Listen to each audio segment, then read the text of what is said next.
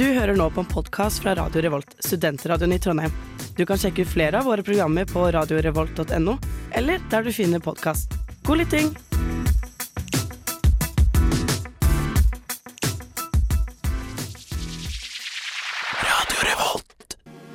Og nå starter en ny episode av Nerdeprat, spillmagasinet på Radio Revolt.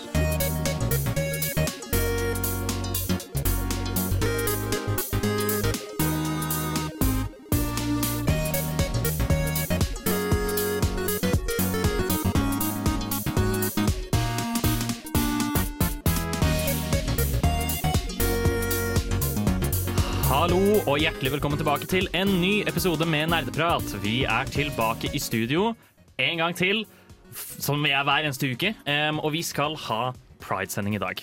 Veldig bra. Det er Pride i Trondheim. Vi vil også markere det, naturligvis, fordi vi er allies her i Nerdeprat. Uh, mitt navn er Håkon. Jeg er programleder. Med meg i studio har vi Oksana. Og så har vi med oss en gjest. Kan du introdusere deg selv? Ja, hei. Uh, jeg er Thomas, og jeg er en gamer. En gamer, blunk, blunk. det er veldig hyggelig å ha deg i studio. Um, vi kommer til å komme litt tilbake med Pride, naturligvis. Um, vi skal snakke litt om representasjon i videospill og annet. Um, før det så skal vi fast, som vi alltid gjør, starte med en innsjekksrunde. Vi skal ha hva vi har gjort siden sist. Og det skal dere få høre etter dere har hørt en låt. Vi skal høre Caroline Shaw og Attica Quartet med And So. God lytt. Innsjekk. Vi skal snakke om hva vi har gjort siden sist. Og vi har egentlig lyst til å komme rett i gang, så vi skal kjøre en lynrunde her nå. Vi starter naturligvis med vår gjest Thomas. Ja, der, er, eh, Dessverre så spiller jeg for det meste bare Genshin Impact eh, for tida. Ikke sant? Eh, selv om jeg har gjerne lyst til å spille så mye, annet, men det tar så mye tid. Og nå har det også nettopp kommet ut en ny patch som betyr veldig mye mer nytt å gjøre. Mange nye flere kontroverser å finne, og etc. etc. Hvordan, hvordan holder spillet opp liksom gameplay-messig? Eh, sånn, gameplay er egentlig det, det eneste grunnen for at jeg spiller spillet. Eh, alt annet um, er ja, low-key krise her og der og slike ting. Men det er et veldig gøy spill. Ja, ikke sant? Så bra. Noe eh, annet du har lyst til å Um, nei, egentlig ikke. Jeg har spilt Cult Up The Lamp. Starta spillet, men nei, falt av. Ja. Ja. Det høres litt ut som Tai. ja. Ja, Tai har deler mange av de samme meningene, tror jeg. At Mm. det er litt sånn Litt skuff. Um, lengde Eller altså sånn I lengden så er det skuffende. Ja. Mens i Ja, Mm. hva skal man si. Vi kan gå videre. Ja. Oksana. ja. Uh, OK, jeg spilte ferdig uh, uh, Plague Tale. Eh, nei, Tale. Jo. Plague Tale. Plague Ah, Tale. herregud, ja, sorry. Jeg er, også, jeg er syk, jeg, så jeg gjør det. Men uansett, jeg spilte ferdig. Jeg prøvde Boston eh, ti ganger før jeg fikk den til. Eh, for den var, den var faktisk overraskende vanskelig. Det er det vanskeligste som har skjedd i spillet. Liksom. Det tok bare lang tid, og men jeg fikk det til. Jeg var ferdig. Det var kult spill. Ti av ti. Og så har jeg spilt The Forest oh, yeah. sammen med menn. Det er jo et gammelt spill, men jeg var litt sånn, nå trenger jeg liksom noe nytt og gjerne spille med noen venner. Eh, og det er Jeg syns det er kjempegøy. Fordi jeg spiller jo med en eh, kompis, og han dør hele tiden. Ja. For referanse, hva er The Forest? Det er et survival-spill. Ja. Du, eh, du er i et fly eh, med barnet ditt, og så krasjer eh, flyet på et det ser ut som en øde øy. Og så er, kommer det en sånn bloddekket mann, eller hva det er, og ta, ha barnet ditt, og så går han. Og så er liksom, jeg tror poenget at du skal på en måte finne barnet ditt på et eller annet tidspunkt.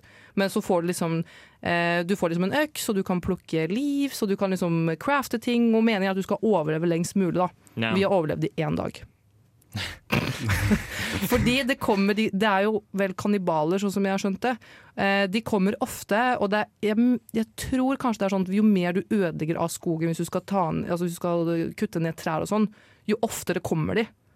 Tror jeg. Jeg tror det er det som er konseptet. Jeg mener å huske at det var sånn. Så jo mer du graver etter ressurser, jo farligere blir det, på en måte? Ja, ikke sant? Og det er ikke sånne som du kan på en måte løpe vekk. De, de, de chaser deg i evigheter. Og vi har jo ikke noen spesiell type våpen, vi har en spear. Og den gjør ikke så veldig mye damage, så vi står bare sånn tu, tu, tu, og prøver å drepe de, og kompisen min dør hele tiden. Jeg er liksom Jeg er den som overlever, da. Og reviver han. Det er kjempegøy. Har du vurdert å bytte kompis? Eh, nei, stakkars. Han er jo morsom å spille med. Han er veldig flink til å crafte, da. Uh, et tips som jeg har til det her, fordi jeg har selv vært denne kompisen som har dødd. Ja. Uh, og da tok den vennen min og, og bygde en høy plattform til meg hvor jeg kunne gå og gjemme meg Ja, og stå det kan veldig jeg mye gjøre! av tiden. Ja, for jeg syns egentlig det er litt gøy å slåss med de kannibalene. Ja. Det er litt sånn å ha masse sånne Army Hammers løpende rundt. Ja, eh, faktisk kannibal Army Hammer. Ja. Mm. Mm. Men det høres gøy ut. Det høres gøy, de, de, er litt sånn, de minner meg litt om Golum også, for noen de beveger seg litt som Golum. Ja. Ja. Jeg kan ta en superkjapp eh, innsjekk, fordi jeg har ikke spilt noe nytt. Jeg har spilt mer Monster Hunter. Um, Er det bra? Det, er, eh, å, det er en liten mixed bag, om jeg skal være helt ærlig. Fordi nå har vi kommet til eh, Monster Hunter World Iceborne hadde et sted som het Guiding Lands, hvor alt du gjør er å grinde monstre repetitivt. Sånn at du kan få et område opp en, At du leveler opp spesifikke områder, og sånn, sånn at det kan dukke opp sjeldne monstre i det området. OK.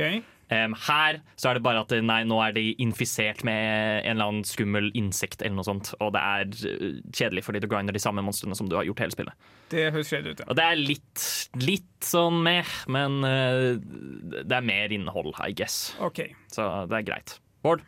Jeg har uh, spilt to nye ting, faktisk. Uh, begge to i går natt, men, eller i går kveld, mens jeg uh, venta på at Lost Ark skulle bli tilgjengelig. uh, uansett, eh, Det ene er et spill som heter Omno, som er veldig lignende Journey, fant jeg ut. Så i hvert fall ut som traileren. Da jeg fikk prøvd ut, så var det litt mer Litt mer kompleks- komplekst enn Journey, men fortsatt veldig mye av de samme Ja. Yeah.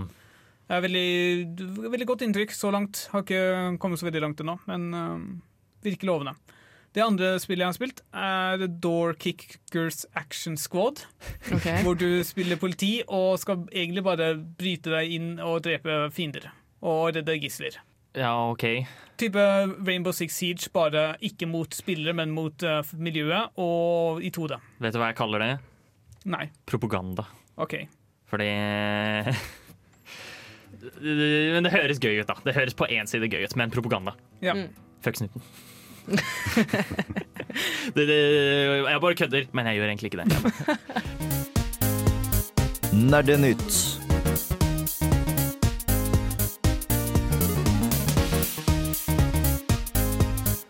Vi skal ha noen kjappe nyheter. Det har skjedd noen noen småting siden sist. Eh, vi hopper rett i det. Bård? Uh, ja, uh, kanskje en av de litt eh, Hvor store store? Eh, de fleste av oss husker Cyberpunk 2077. Mhm. Eh, det er nå blitt uh, kommet ut at det skal få en eh, eh, utvidelse. Har, å, ja, det skal det? Ja. Eh, det skal, skal være den eneste utvidelsen den får, men den kommer. Har spillet blitt fiksa? Jeg vet ikke. Men det, det som også er litt sånn interessant nyhet samtidig, er jo at eh, den, eh, en av direktørene for studioet eh, forlater studio etter 15 år og har jobbet på spillet i 10 år. Ja. Oi. Tenk å jobbe på, i 10 år på ett prosjekt som bare feiler. Det er Det er veldig trist. Ja, det er det. ehm, Nei, jeg kan ikke det, det, det er litt Ja. Tenk, tenk å være på, med på det laget, og så bare liksom Din baby, på en måte. Mm. Din baby bare dør under føds. Nei, det ble, Nei, det ble, det ble en stygg eh, allegori. Vi, eh, men det er spennende. da Vi får håpe det kanskje fikser spillet hvis det ikke er fikset allerede. Jeg har ikke hørt noe som helst fra det. Altså, Verden virker veldig kul, så hvis, de har, hvis resultatet kan bli et bra spill, så er jeg egentlig fornøyd. Kanskje jeg tester ut om fem år eller noe sånt. Ja, ikke sant? Eh, Men apropos uferdige spill, eh, fordi det er visstnok et, spill- et Fable-spill som er under arbeid nå. For de som ikke vet, Fable er en spillserie som starter på sånn type 2000-tallet eller noe sånt. Men jeg husker. Og ble veldig kritikerrost, i hvert fall det første, og så dabbet det litt av. Men nå jobber Xbox med et nytt et.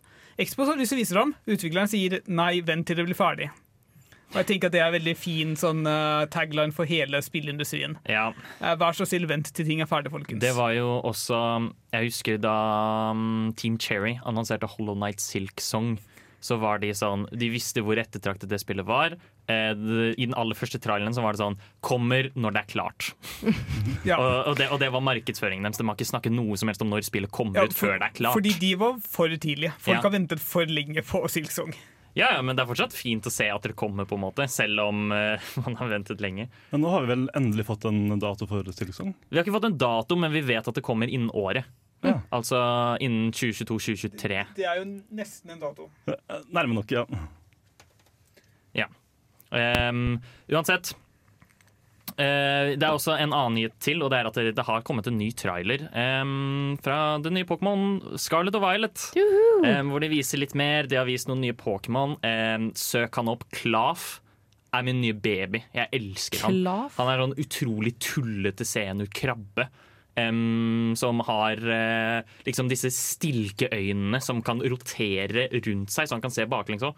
Ha- Har du ikke alltid ønsket det, Håkon, å se baklengs? jo, jeg har jo det. Men altså, Kallenavnet mitt på fritiden er jo Hubro, så selvsagt har jeg lyst til det. Ja. det alt jeg hadde gitt for å kunne rotere med hodet mitt eh, 180 grader. Det hadde vært fantastisk. Mm. Uansett. Um, og det, da har de vist litt mer. De har f.eks. vist det onde teamet, um, som da heter Team Star. Som er no, det er rebelske studenter. Ok, Så de starter med Rocket, og nå har de da altså Star. ja, jeg tror de prøver å liksom ta det lavterskel med team, de slemme lagene nå. Fordi eh, det har liksom Det har eskalert seg for mye. Hvor det er sånn her ah, Jeg skal gjøre Jeg skal fjer, utslette alt vannet på kloden, og jeg skal ødelegge universet og skape et nytt et. Og nå er det bare sånn Ja, nei, vi, vi syns ikke noe Vi vi vil være slemme. Ja. Okay. Det er, det er, det er tematikken nå. Men det har også fått um, hva skal man si, autobattler-mekanikker til seg. Og når du utforsker uh, overworlden, så kan du kaste ut en liten Pokémon som da liksom løper i rett, den retningen, samle items for deg, eller bare automatisk kjemper mot Pokémon for deg. Sånn at du slipper å gå i kamp hver eneste gang du møter en Pokémon i oververden. Som er en sykt nice mekanikk. Men vil ikke det gjøre et veldig enkelt spill bare enda enklere? Nei, nei, nei. nei, em, det, det, det eneste det gjør, er at det, det, det, kan, det er jo ikke nødvendigvis en garanti for at du vinner de autobattlene. Um, det er jo mer bare en sånn her kan du få det litt raskere, fordi et turbasert RPG fungerer egentlig ikke bra i overworld-setting. De gjør ganske gode trekk for å få det til å fungere. Ja, jeg er enig. Og det må jeg si. Å, helvete! Jeg må forte meg! Det er en ny episode av Nerdeprat. Det kan jeg ikke gå glipp av.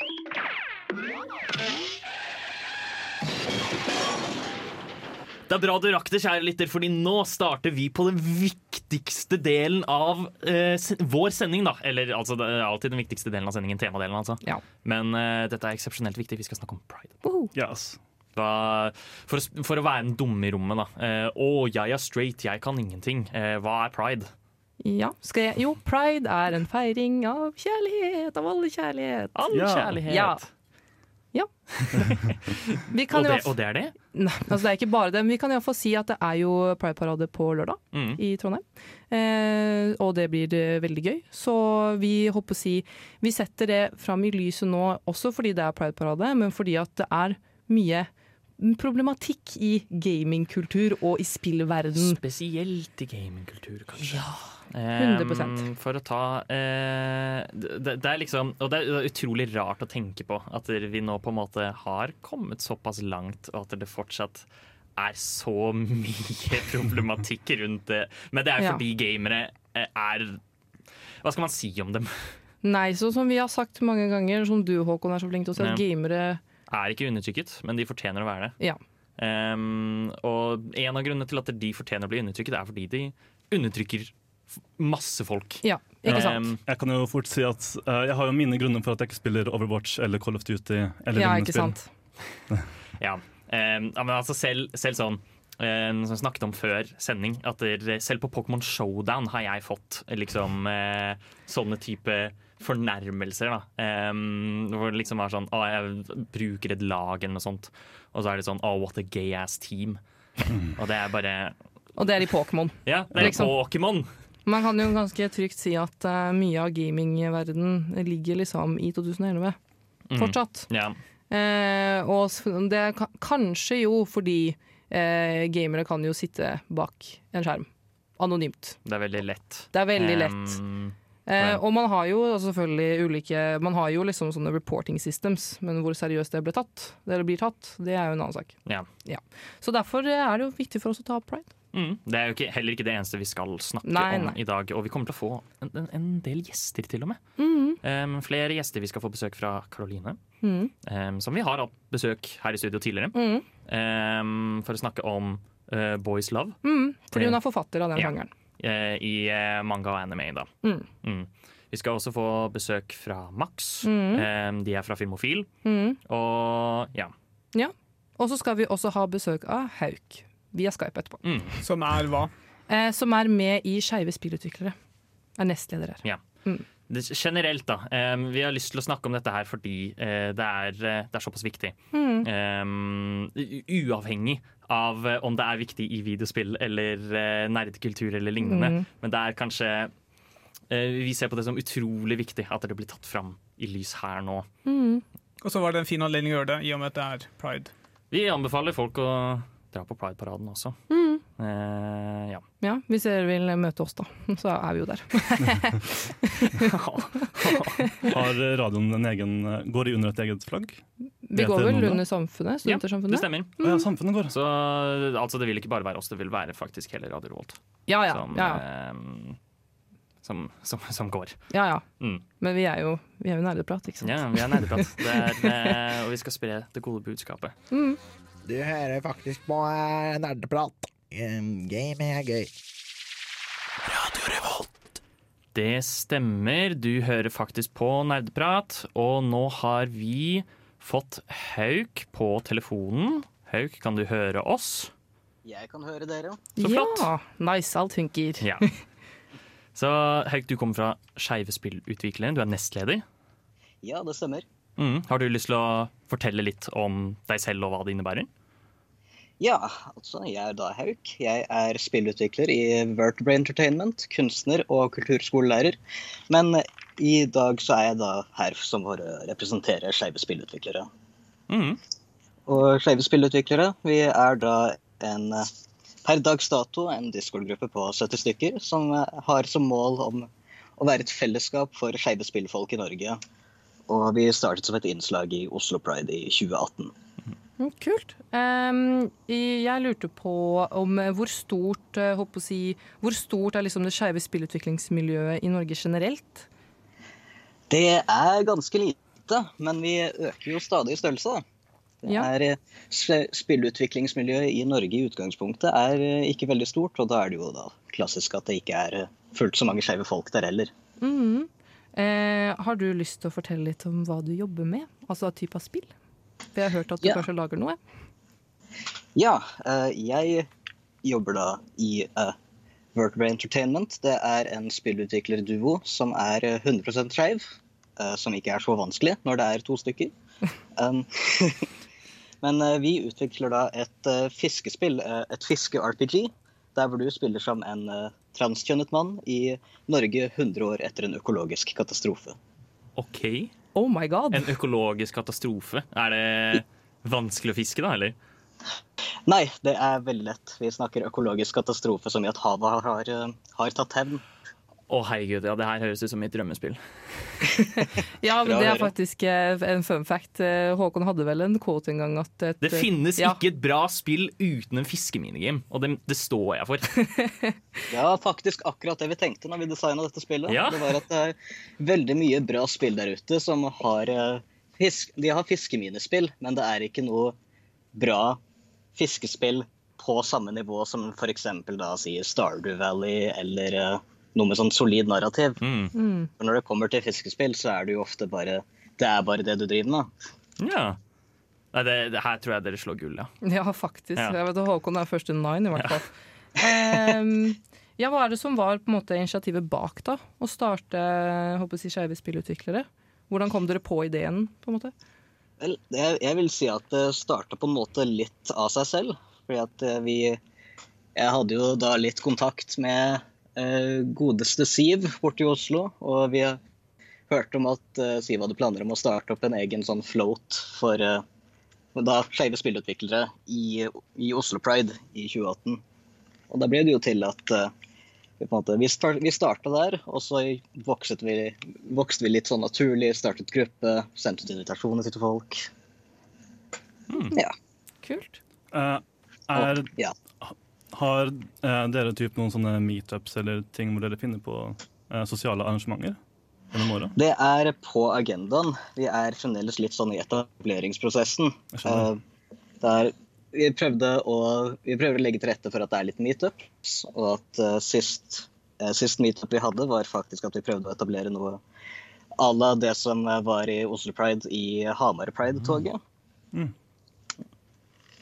Uh, ja, det er jo det, Inntil videre så er vi på en måte litt låst inn i den selve etableringsprosessen. Mm. Mm. og har dere noen ideer til typ, hvor dere vil ta det her videre? Vel, vi har som mål å fungere som et slags eh, ja, igjen det som et fellesskap, men også som et slags støtteapparat og samtaleapparat for eh, da skeive spillutviklere i Norge. Fordi det å utvikle spill i Norge er en litt sånn skeive spill i Norge. Det, det er litt sånn ensom prosess, rett og slett. Det er ikke så mange som driver med det vi, det vi gjør. Eh, Er det hovedsakelig mindre spillstudioer, eller har dere også medlemmer fra større studioer som f.eks. Funcom og Funcom? Ja. Vi har, eh, vi har medlemmer fra, de, fra flere større, større selskaper, og det er, eh, det er mange på hobbybasis, og det ja. Vi har eh, til og med folk som, har, eh, som er norske skeive spillutviklere, men da er er nå etablert i utlandet. Ja. Ikke sant? Ja. Eh, har du eh, noen tips eh, til eh, våre lyttere om eh, spill som eh, håper å si vi kan spille som er utviklet av skeive? Ja, nå må jeg tenke. Det er lov. Vel, det er jo alltids eh, Godeste Siv har jo utviklet et spill som heter eh, Churchgoers. Det, og så har vi nylig Det er faktisk interessant. Vi har i henhold til skeive spillutviklere så har vi lansert støtte for et spillprosjekt som heter Viltnemnda. Det er et uh, skrekkspill. Jaha. Det er en horror walking sim experience with Oh a retro retro art style. With også Og-. Det er da som mål at vi skal prøve å støtte flere, flere skeive spilleprosjekter da med sånn litt sånn startbudsjett. Det er- ikke snakk om store greiene, men alt hjelper. Mm. Kult. Herregud, så sykt kult. Det, nå er jeg veldig redd for skrekkfilm, men jeg har litt lyst til å prøve likevel. Jeg anbefaler å prøve. Jeg er Men- eh, smånervøs selv, ja, ikke så jeg kjenner godt igjen den. Men da, Hauk, tusen takk for at du var med, for nå må vi gå videre, Ja, faktisk. tusen hjertelig Ja. takk. Takk for at Eh, jeg fikk lov til å bli med og prate litt. Ja, herregud, nei, takk selv.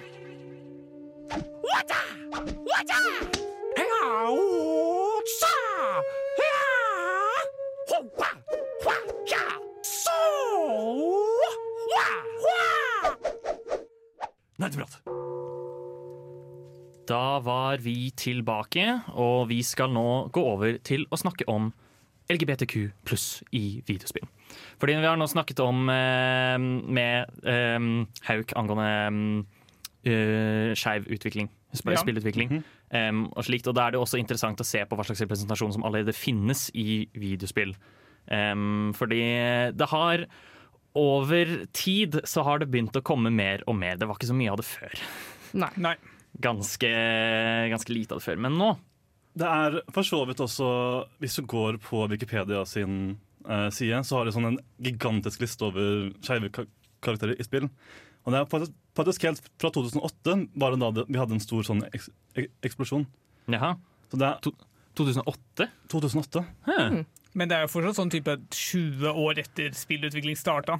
Ja. og jeg vil si at fremdeles i dag så er det dårlig, og trenden har jo ikke vokst noe særlig mye mer, Dessverre. dessverre. Nei. Mm. Men um, for å komme med noen eksempler, da. Em, I hvert fall i moderne tid. Det her, var jo veldig veldig mye kontrovers rundt da det kom ut. Um, men uh, spesifikt um, Dina og Ellie fra The Last of Us Part 2. Em, hvor uh, Jeg er litt usikker på hvorfor dette egentlig var et så stort problem. Em, Kan du fort forklare hva problemet er? Eller det er ikke noe større problem annet enn at Ellie og Dina er et par. Em, til tross for at de begge er jenter. Um, Sykt. og og jeg, jeg, tror, jeg tror folk bare ikke likte at det var en så viktig del av historien til The Last of Us Part 2. Men det er en ganske viktig del av historien til The Last of Us Part 2. Og det er fordi det, er, det blir liksom en liten sånn hva skal man si, problemstilling når eh, Ellie er nødt til å velge mellom em, å hevne en viss person i hennes liv, eller å roe seg ned og ta vare på barnet Dina skal forvente å få, type ting. Em, og det blir Ja. Og det, det, det valget hadde ikke, vært, had, hadde ikke hatt samme betydning om de ikke var kun venner eller noe annet. Nei. Eh, men det er også sånn eh, Syns på en måte spillet behandler det ganske naturlig. eh, og at det, eh, Jeg føler ikke det er der fordi, hvis det gir mening. Ja. Eh, om vi skal gå videre til, til et litt annet spill, så har vi Life is Strange, som var Når var det det kom ut igjen? Nei, du vet ikke. 2010-ish, kanskje? Mm. Ja, og det har jo også uh, ganske mye sånn depiction av uh, skeive folk. Uh, og da ja, typ også starta litt med det Mm. da også. Mm. Eh, og der, eh, Jeg hørte at du muligens hadde noe kunnskap om det her, Bård, men jeg har sett at Dragon Age det skal også ha veldig mye skeiv representasjon. Jeg er ganske sikker på at uh, Jeg har ikke spilt veldig mye Dragon Age, men det jeg har spilt, så har du veldig mye frihet til å hvilket kjønn du selv er, og hvilket kjønn du da kan ha romantisere. Ja, Det stemmer det. har jo så Mm. lenge siden jeg har spilt Dragon Age, men det stemmer jo. Ja. Man kunne velge å flørte med hvem man ville. Det er jo for øvrig det samme i Skyrim. Det er på en måte gjort Ja! veldig um, Hva skal man si um, de, de har gitt deg muligheten. Det er ikke sånn at det blir noe unikt Mm. dialog avhengig av hvilket kjønn du romantiserer, men det er Mm. bare en mulighet i tilfelle du har lyst til det. Um, Vi kan vel da også sammenligne det her med The Sims. Ja. det, blir, det blir på en måte um, Det blir jo behandlet veldig casually, og det er jo Ja. ja. Mm. Um, men, men også liksom sånn at um, Ja, det er veldig fint at muligheten er der. Mm, ja. Eh, nei, jeg eh, vil håpe å si Det er én ting i nyere tid, da. Som har hatt litt eh, skeiv representasjon, og det jeg skal ikke snakke for mye om League of Legends, men Arcane. Katelyn og Vi. Det var jo, håper å si I hvert fall eh, for min vennegruppe, når vi så på Arcane, så idet man skjønte Oh my God, they're in love! Så ble alle sånn Ja! Fordi de, de, de har jo hinta til det i spillet. Fordi de flørter jo ut, gjør de ikke det? Jo. Jo. Um, Vi har generelle replikker mot Caitlyn som er veldig flørtete. da. Mm. Mm. Og det var jo, håper å si, det var jo sånn håper å si, et veldig ja, fangirl moment fra håper å si, min og mine venners side. Er det nå jeg skal være litt sånn pikk og bryte fantasien om at Arkane foreløpig ikke er canon? Ja da, ja da, ja da. Men det var fortsatt jævlig nice å se. Ja. Men har ikke Canny League også blitt omskrevet sånn fem ganger? Jo, sånn 500 forskjellige ganger. Ja. Det er Så det har ikke ikke noe å si. Nei. De er kjærester, og bare Um, punktum. Um, for å, nå har vi kommet med et par eksempler, men hva mener vi liksom er god representasjon? Kan, kan jeg komme med moteksempler og vise Ja. påpeke dårlige? Mm. Nå har jeg ikke noen sånn konkrete eksempler, men hvis du Måten du finner ut at den personen er skeiv på, er ved å lese en eller annen tekst, og det er det, det er for dårlig. De burde vise det ut fra handlingene sine, kanskje et ekstra blikk mot en person, eller liksom det noe dialog eller sånne ting, men det at det står en tekst som bare blir helt ignorert, er for dårlig etter mine øyne. Mm. At det, det ikke kommer til syne på noen som helst måte? Ja. tenker du på? Det, er- det virker som de bare har det med for å få litt representasjonspoeng, og så ignorerer det, ignorerer det egentlig helt. Ja, og det er um, Da kan jeg prøve å ta opp Night in the, in the Woods. Eh, og det er et sånt spill hvor eh, du spiller som den ene kattepusen kalt May.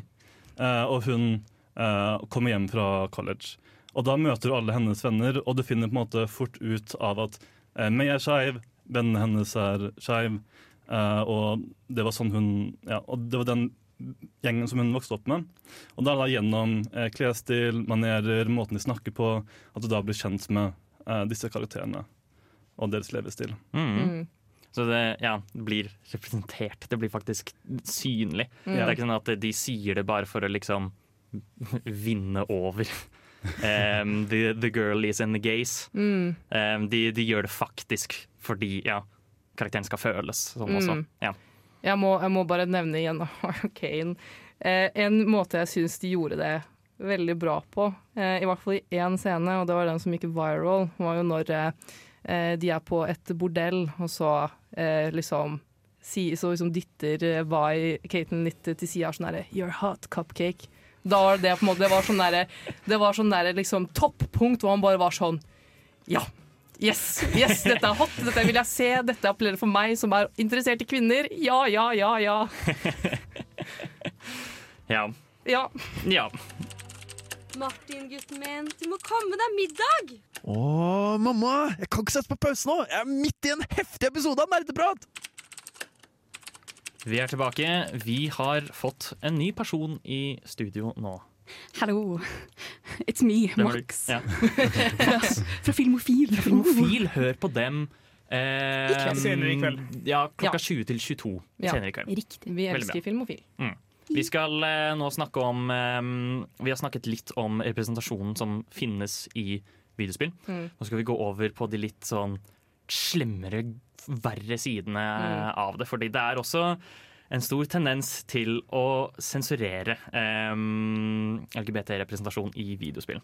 Um, hvor uh, ja, karakterer som kanskje er homofil, ikke er det for av en eller annen grunn. Ja, jeg vet ikke, men vi kan jo bare starte på Genshin Impact. Allerede umiddelbart. Uh, For det er jo et spill som blir produsert i uh, Shanghai. Og da må det følge kinesiske lover på, på hva de kan gjøre. Mm. Uh, og noe av det er at man kan ikke representere eh, homofil atferd på TV, fordi det anses som abnormalt. Ikke sant? Mm. Uh, og da er det ofte det at du har uh, sånne karakterdialoger eh, som, har, som blir ofte skjult på hva som egentlig meningen er. Eh, og noen som åpenbart eh, er sammen eller er i et forhold, eh, blir litt mer distansert når det kommer til uh, cutscenes og lignende. Okay. Dialogen er på en måte skrevet rundt framfor om. Men er det noe sånn halvveis offisielt fra utviklerne om dette her? Hvorfor flytter de ikke bare ut av Shanghai og får litt friere tøyler? Hva Ja, altså når, altså, de, når utviklingen er kinesisk, og det er et kinesisk selskap, så har man kanskje lyst til å være i landet sitt. Ja. Um, Men- så jeg vet ikke, men okay. Ja. Mm. Ja, det er jo Jeg tenker det å flytte Det er jo et kinesisk selskap i seg sjøl, um, Mm. og du kommer ikke unna det stigmaet Nei. som på en måte ja, kommer. Og et poeng er at de vil jo sikkert gjerne tjene penger òg. Ja. De vil jo tjene penger. 100%. Eh, det er jo et gacha-mobilspill, basically. Så der vil de naturligvis Der er det naturligvis mye å trekke fra. I tillegg, eh, jeg husker ikke Eller jo, jeg husker for så vidt um, eksempler eh, men, eh, men Kina har jo er, er ikke det verdens mest befolkede land? Jo. Jo. Så det er også veldig mange muligheter for å tjene penger i Kina. Jo. Uh, og ja, ja, eller Cyberpunk har vel aldri prøvd å bli solgt i Kina, men de får jo ikke lov til å bli solgt der uh, pga. Ja, regler. Mm. Men fremdeles, de tjener masse penger på å bli solgt på sortemarkedet, Mm. eksempel. Ja, ikke sant. Ja. Ikke sant? Det her er jo Kina òg, for eksempel, er jo en grunn til at det, det finnes Om du tar for eksempel League of Legends Mm. som et eksempel her. Eh, grusomt spill. Bortsett fra det, eh, så er det også Um, jeg, jeg vet at det, Der skal man på en måte ikke skylde utviklerne av uh, spillet. For det, Der er det heller liksom Riot og Tencent Megacorporation som på en måte hindrer slik eh, Mm. bredt representasjon. Så for eksempel når det er pride, så får vi da heller Vi får en søt liten emote av Graves og TF som klemmer hverandre, og så er det en regnbue over. Um, og det er det. Og det er rett og slett fordi de kan fjerne det i andre land hvor uh, slike holdninger ikke aksepteres. Det jeg syns er så fint, da, det faktum, det faktum at voice actors, uh, eller stemmeskuespillere, ofte eh, påpeke påpeker den representasjonen som skulle ha vært i spillet. Jeg vet at det er veldig mange eh, voice actors i Genshin, eksempel, som er veldig på eh, at folk skal shippe sine karakterer, osv., osv. Så. Mm. så eh, ja. Ja. Så, så det er på en måte halvveis offisielt, Mhm. selv om det ikke er offisielt i spillet. Og det er også sånn de har gjort i f.eks. League. Sånn som med den emoten hvor det er sånn Vi kan ikke si det eksplisitt, men tenk på dem som om Ja. Men vises denne emoten i de landene hvor det ikke er akseptert? Nei. Nei, ikke det hele tatt. Og det er det som er poenget med Mm. emoten, fordi du så utrolig lett kan fjerne den Mm. i f.eks. Polen eller Kina Mm. eller Sør-Korea eller Men hvorfor gikk det ikke lenger enn en klem?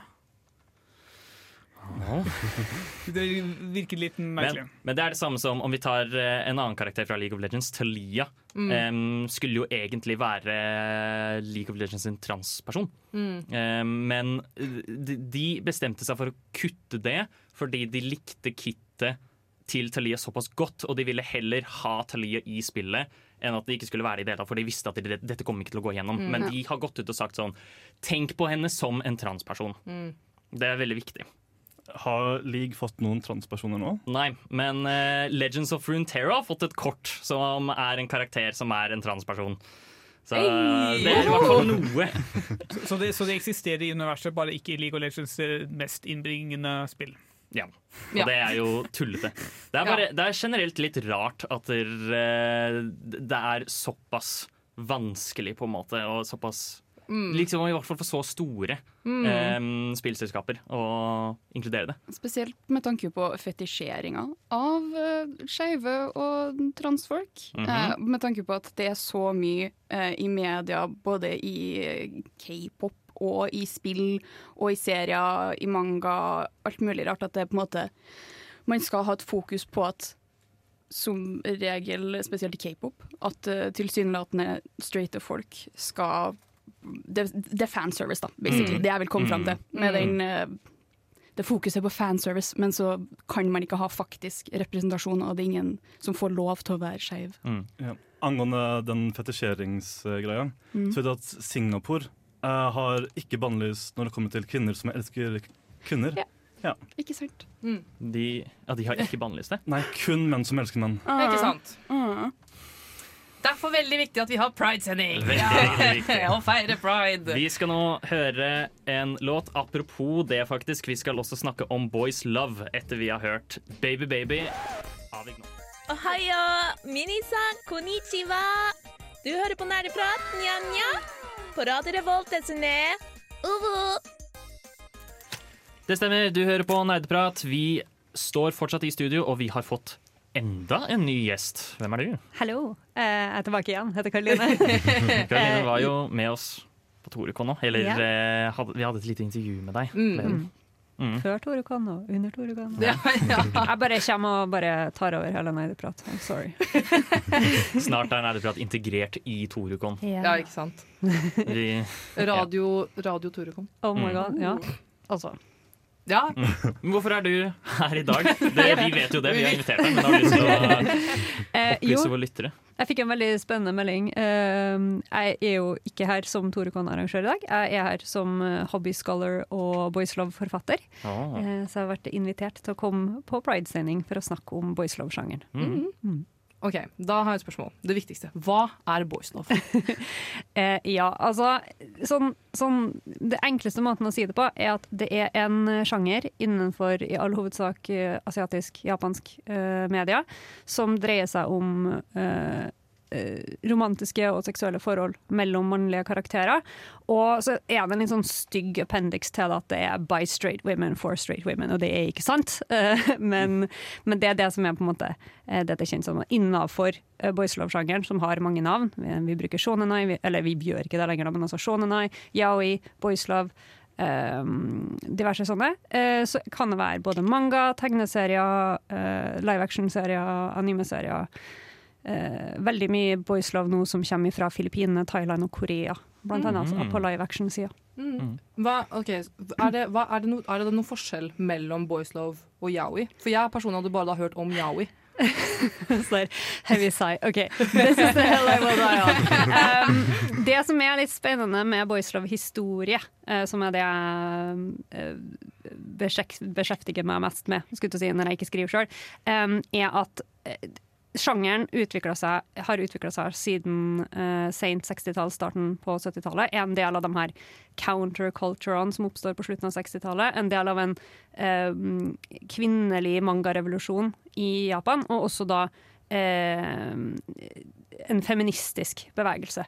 Så den utvikla seg over veldig mange år, der den da gikk under ganske mange navn sånn gradvis. Um, og Boys Love er da det navnet som sjangeren har hatt siden 90-tallet, når den ble kommersialisert. Fordi at når det ble veldig mye salg og veldig mye egne bokhandler og sånn av det i Japan på 90-tallet, så fant de ut at hvordan skal vi hvordan skal vi selge det her? Eh, og så slenger de på engelske ord, for at da er det fancy, da er det kult. Da kalte mm. det boys love. Eh, yaoi er jo det vi veldig mye hender i været her. yaoi kjenner vi i Vesten som eh, når BL ble eksportert til, til Vesten, så ble det presentert som at shonenai, det var sånn fluffy, cute, uh, wholesome eh, kjærlighet mellom menn, mens yaoi da er det eksplisitte.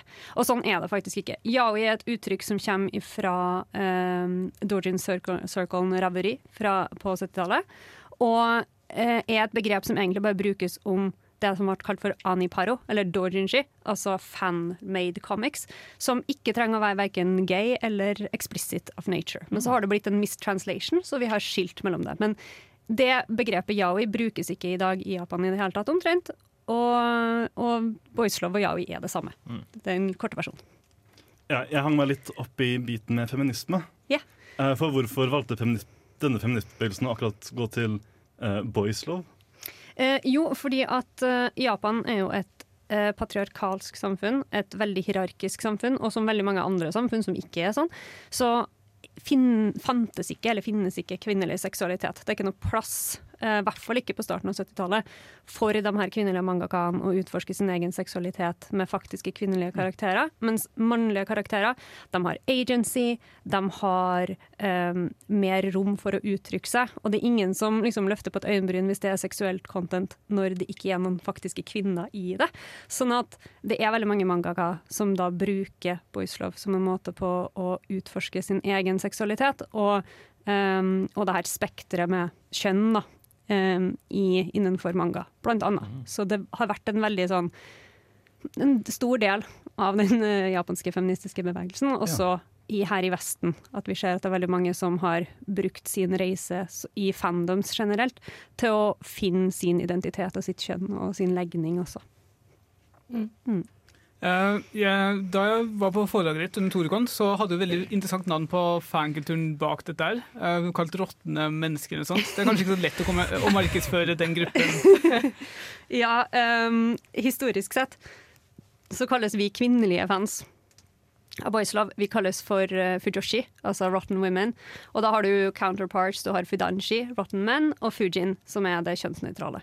Um, og det her er litt altså, I farten så husker jeg helt nøyaktig hvordan det oppsto, men det er da et begrep som har vært brukt um, sånn, på en sånn subversive, derogatory måte. For å liksom De her kvinnene er da Altså den kanjien som, som du skriver Fujo med, det er samme kanjien som du bruker i fermented. Um, så de er liksom De er spoiled for marriage, da, er det som er konseptet. Mm. de er ikke de, på, på en måte fra det samfunnskritiske blikket, som egentlig stammer fra media portrayals av fujoshi-kulturen, så er det da en sånn her eh, og de, de, de er udugelige fordi de, de er bare interessert i homofile menn, og de er råtne og de, de er opptatt av sex. ikke sant? Men Mm.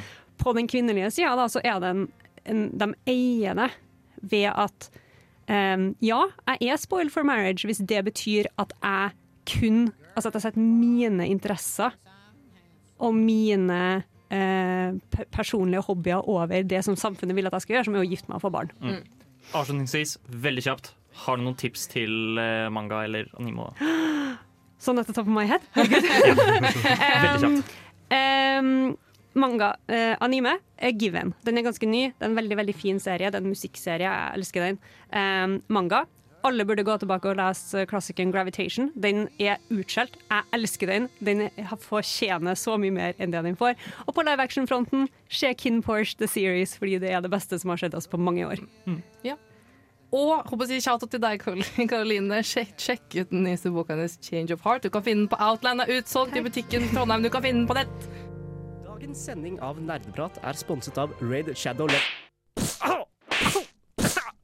Ouch! Unnskyld! Unnskyld!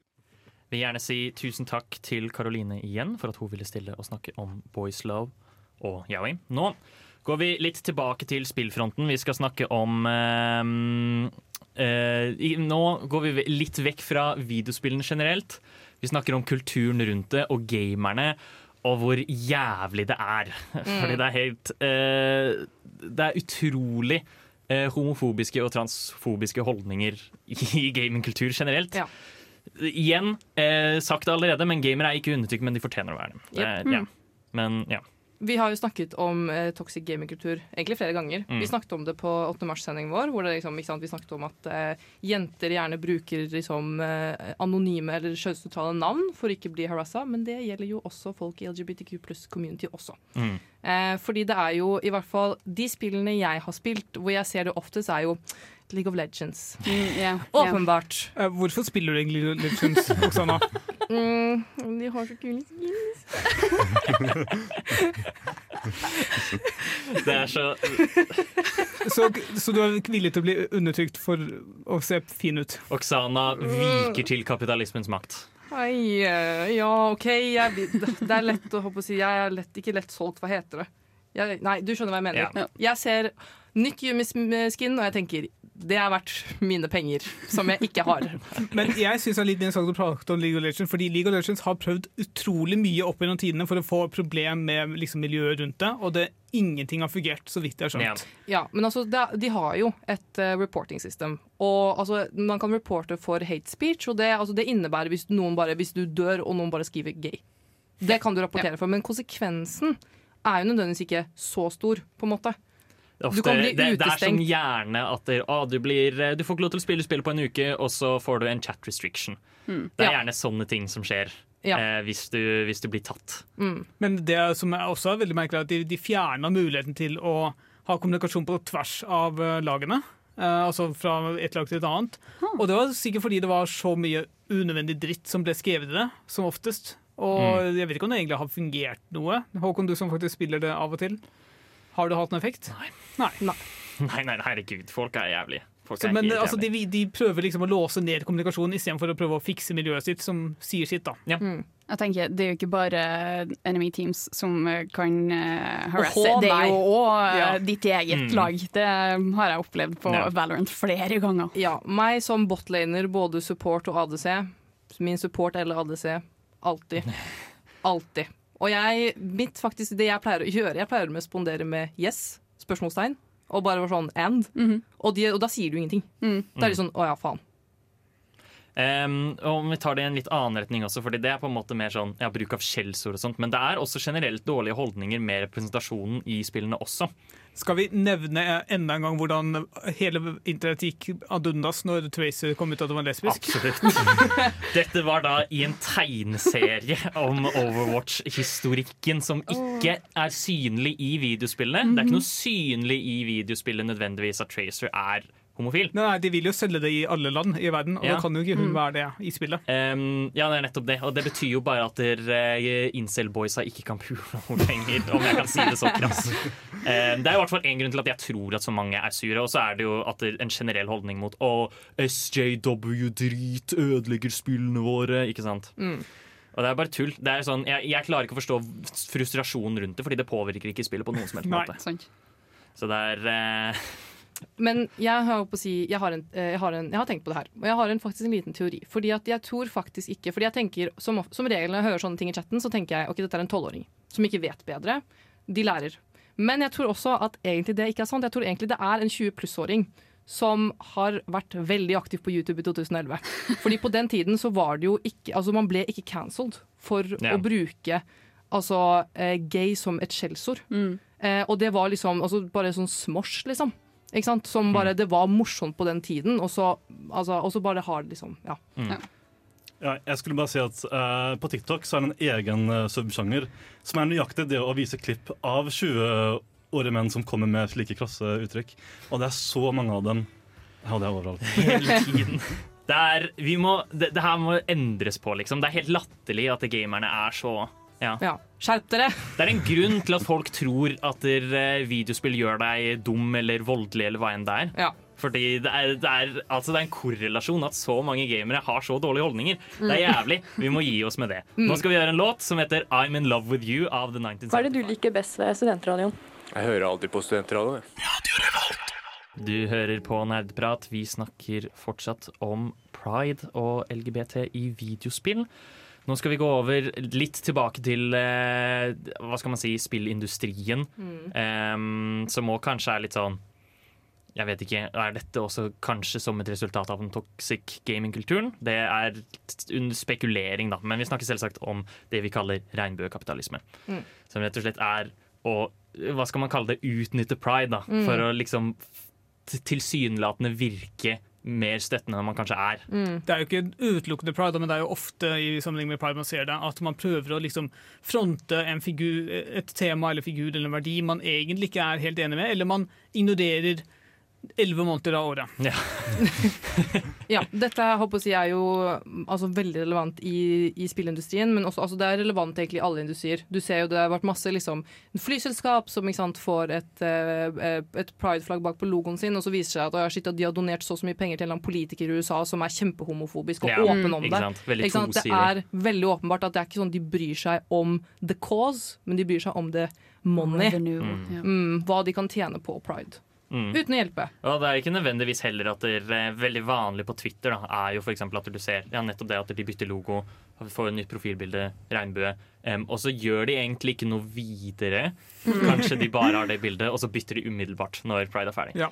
Eh, nettopp det sier 'ignorer 11 av de 12 månedene vi har'. Du har jo også det faktum at eh, de tar eh, innkommet av uh, merch, eksempel, og donerer minimale Vi donerer doser. 1 av Ja. inntektene til pride! Det var jo problem med Minecraft-youtuberen Dream, blant Mm. annet. Han solgte merch for et par år siden. Og var det sånn. ikke også Dream som sa noe sånn som hver eneste donasjon jeg får på stream skal gå til eh, eh, donasjoner til pride, og så streamer han én gang under hele pride. Ikke sant, ikke sant.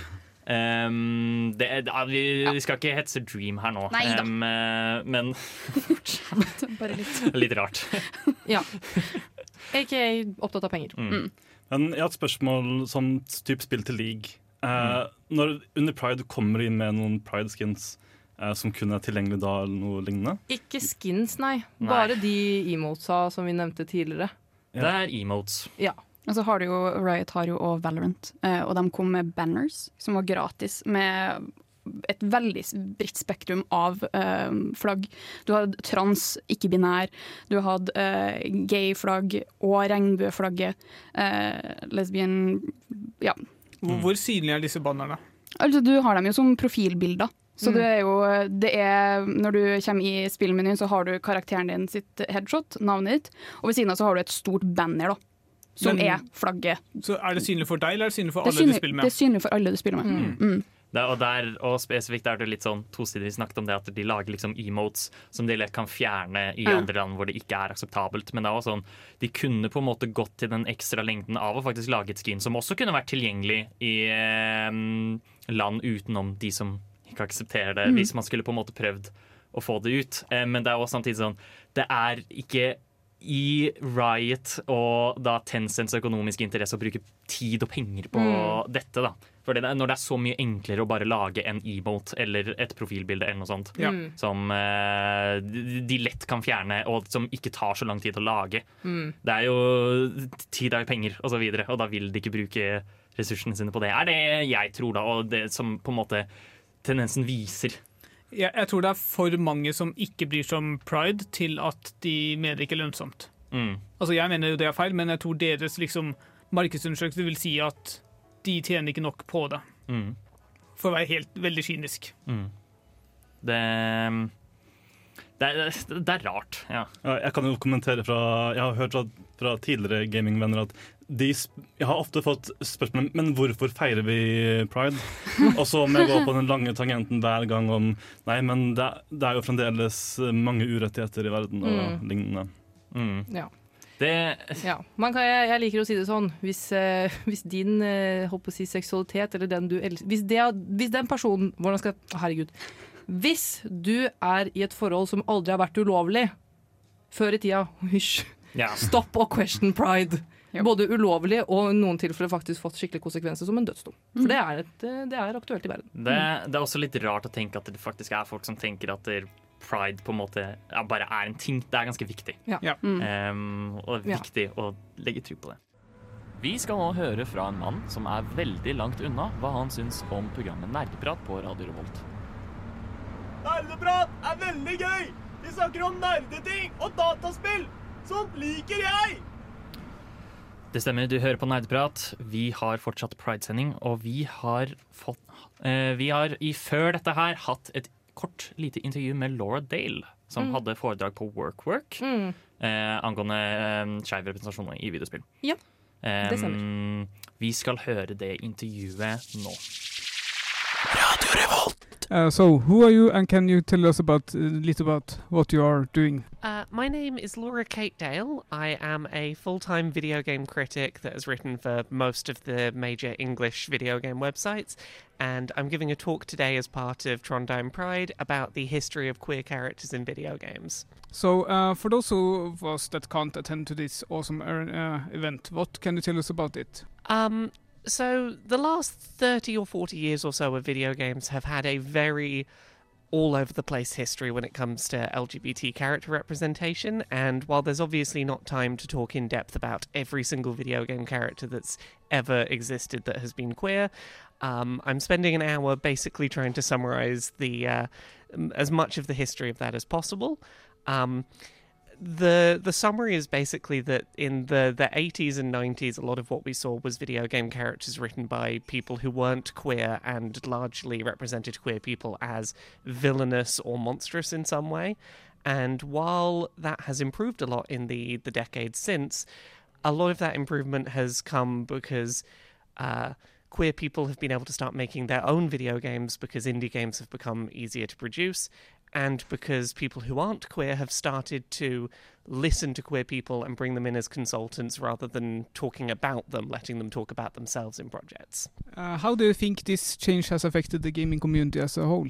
I think that there has definitely been a lot of pushback towards queer characters in video games, and particularly uh, as social media has become more of a thing online. Um, the 2010s, the last decade or so, has had a lot of people who are honestly just homophobic or transphobic not liking that there has been a rise in queer characters, but I think that the more big game companies push forward and create queer characters, the more it becomes obvious that that's not going to go away anytime soon, and we're just going to keep pushing forward, and it, it's unstoppable at this point. Uh, what can allies of the gay community do to help uh, the acceptance of this in the community? I think the biggest thing that can be done is treating gay characters in video games as something normalized, something that isn't just for gay people to play. Um, making it so that we can reach a future where a gay character in a game doesn't make that a gay game. It's just a game like any other that happens to have gay characters. And I think that the sooner people treat that as just part of video games and not its own genre, the sooner that that becomes a normal part of life. Do you have any games you could recommend to our listeners? Uh, there are lots of games I would recommend, but one that's recently released is called We Are OFK, which is a short narrative game about four uh, queer people trying to start a band together. Um, it is very sweetly written. It has some of the most diverse and varied queer uh, character writing that I've seen in a long time, and it's a very sweet game. I would suggest checking out. Der fikk vi høre intervjuet vårt med Laura Dale, eh, videospillkritiker som er kjent for annet boka 'Things I Learned From Marios Butt'. Um, Så um, hun, hun kom jo med liksom, et par gode poeng. Det er veldig trist at vi ikke fikk vært med på foredraget. Mm. Um, det var jo da fra tre til fem i dag. Um, ja. Det, det krasjet med vår sendetid. Krasjet med vår sendetid. Eh, Jeg har litt lyst til å kommentere på det, det hun sa med å på en måte behandle eh, skeive videospill som bare videospill. Og det, da jeg først starta å spille Night in the Woods, da visste ikke jeg om, om at det var et spill som hadde veldig mye skeiv repre representasjon i seg. Mm. Og for meg så ble det en veldig positiv overraskelse, og noe som jeg på en måte husker tilbake på med at eh, det var veldig gøy at jeg startet med å spille et spill for interessen jeg hadde for selve historien og hva det skulle være, og så ble det mye mer enn det jeg Mm. egentlig ville ha. Men, er, eh, men av, liksom, hvorvidt karakteren er skeiv eller ikke, skal ikke diktere din liksom, fornøyelse, hva man skal si, hvor mye du nyter spillet. Mm. det, det skal fortsatt være ja. Og så vil jeg heller ikke at du skal liksom få anbefalt et spill ah, fordi det er skeivt. Du skal heller få det anbefalt fordi det har en god historie eller gode karakterer og lignende. Og så Mm. kan, de, kan de tingene inkludere skeivhet, men det trenger ikke å være noe man eksplisitt sier snakker noe om. Men jeg tenker jo også akkurat det, det er jo kjempeviktig med representasjon. Mm. Så hvis at man som skeiv, eh, som jeg i hvert fall ofte gjør, jeg søker spill som har skeiv representasjon, for at jeg vil se spill som representerer meg og min eh, omgangskrets, da, så er det jo liksom det å bli liksom recommended gay eller skeive Mm. spill er noe jeg ikke anser som er noe dumt, da. for så vidt. Mm. Altså, forbilder er viktig. Og det er spesielt altså, sånn, Vi er på å si voksne, men jeg håper å si barn er ikke voksne, åpenbart. Herregud, det var jo dumt å si. Men eh, det jeg tror også er viktig da for unge skeive, som Mm. kanskje bo, altså, lever i et samfunn hvor det er vanskelig å komme ut, å se dette. Mm. Mm. Mm, absolutt. Vi vil gjerne takke Laura Dane for at hun stilte intervju. Ja. Snupper, vil du være med og høre på nerdprat, eller? OK, her kommer vi! Nå skal vi snakke om en side vi ikke har snakket om ennå, og det er rett og slett um, mangelen av transrepresentasjon i videospill. Fordi um, det er ganske lite av det. Det er det. Mm. Og det, du har problemet med at uh, man ofte, transrepresentasjon ofte blir portrettert som noe negativt. Det er villains, og det er skurker, og det er for uh, shock value og basically for å få fram traume. Mm. Um, jeg diskuterte tidligere i dag um, en karakter fra um, The Last of Us 2. Uh, jeg tror han heter Lev. Em, Um, det er uh, jo. Åh, det er lenge siden jeg har spilt det spillet. Ja. Uh, han er visstnok Jeg har ikke spilt The Last of Us 2 sjøl, Mm. um, men du har det faktum at uh, Jeg vet ikke Jeg vil anse han som en bra representasjon, hvor du får karakterer som kommer frem som trans, men så har du f.eks. Uh, Dragon Age, uh, Inquisition, uh, hvor du har Er det Krem han heter, som eh, er transrepresentasjon, som er kjempebra. Det er kjempekult at vi får eh, karakterer som er trans, Mm. men det faktum at han er voice-acta av en kvinne, er helt forferdelig. Man kan få inn trans voice actors Ja.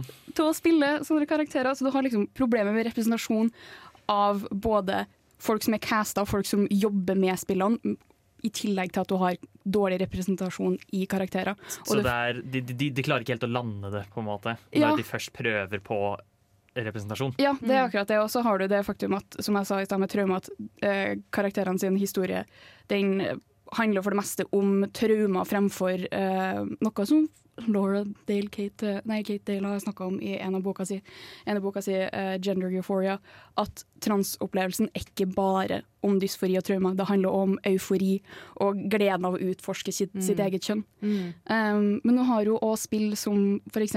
Dream Daddy, som har god representasjon, hvor du kan få karakterer med f.eks. binders, som transmask-folk ofte bruker. Um, Men ja, så det er en veldig sånn ja, et problem med det faktum at du har karakterer som er NPCs fremfor spillbare karakterer. Det er jo et problem med Cyberpunk, blant annet, eh, hvor de hadde det alternativet med at man kunne skille kjønn fra, eller gender fra sex. Eh, hvor man kunne ha forskjellige kjønnsuttrykk. Men så får man et veldig binært syn på kjønn i dialogen fra Ja, NPCs og sånn. Og du får ikke på en måte den effekten og den representasjonen man vil ha. Mm.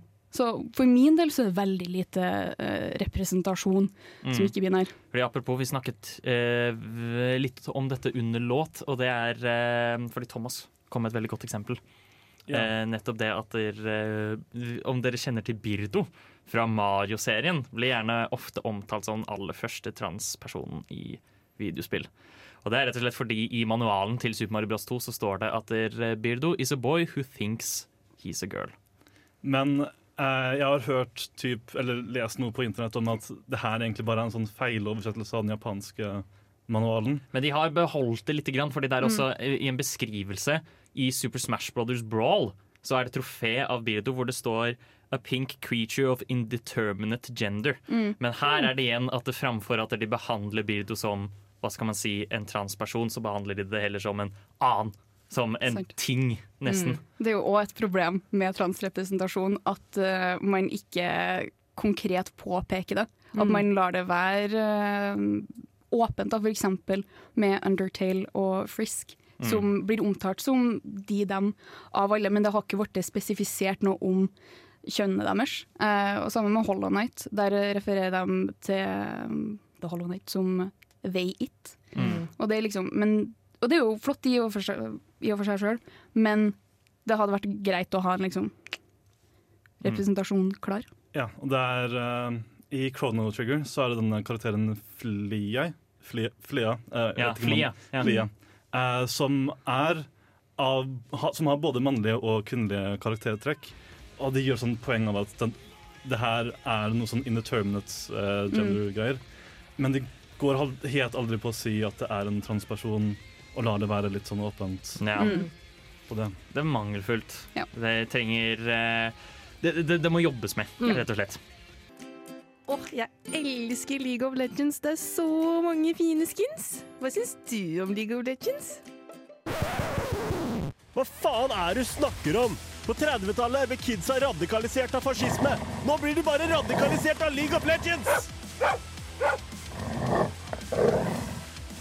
Nerdprat gir deg den harde sannheten. Det stemmer, det er kun på Nerdprat hvor du får den harde sannheten. Vi forteller det akkurat sånn som det er!